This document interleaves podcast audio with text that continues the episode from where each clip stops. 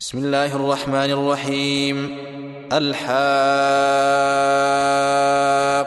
ما الحاقة وما أدراك ما الحاقة.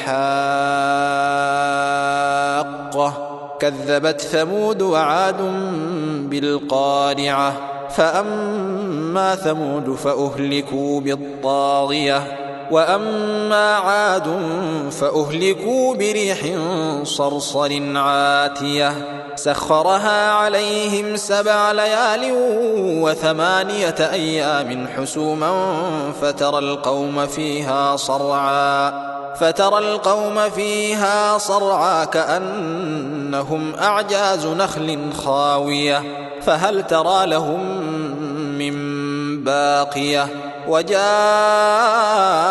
فرعون ومن قبله والمؤتفكات بالخاطئة فعصوا رسول ربهم فأخذهم أخذة رابية. إنا لما طغى الماء حملناكم في الجارية لنجعلها لكم تذكرة وتعيها أذن واعية.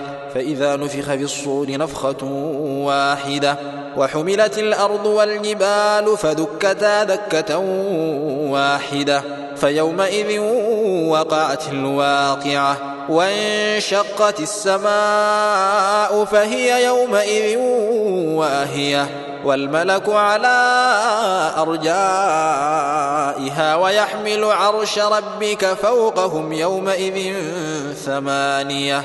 يومئذ تعرضون لا تخفى منكم خافية. فأما من أوتي كتابه بيمينه فيقول هاؤم اقرءوا كتابيه.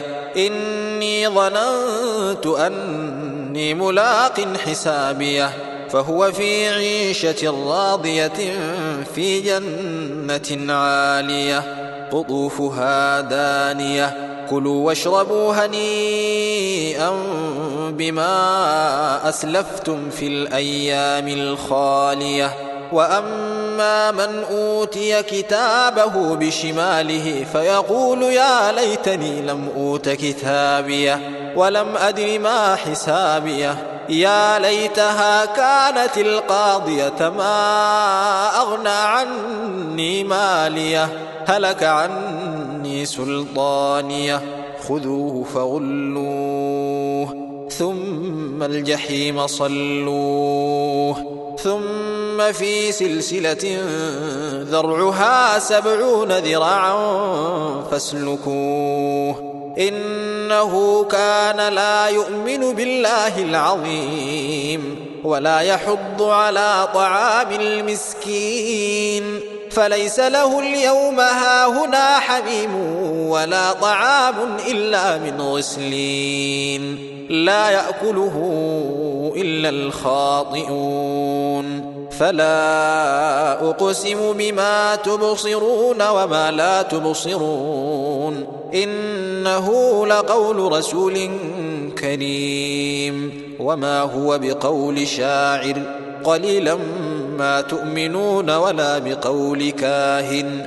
قليلا ما تذكرون. تنزيل من رب العالمين ولو تقول علينا بعض الأقاويل. لأخذنا منه باليمين ثم لقطعنا منه الوتين. فما منكم من أحد عنه حاجزين وإنه لتذكرة للمتقين وإنا لنعلم أن منكم مكذبين وإنه لحسرة على الكافرين وإنه لحق اليقين فسبح باسم ربك العظيم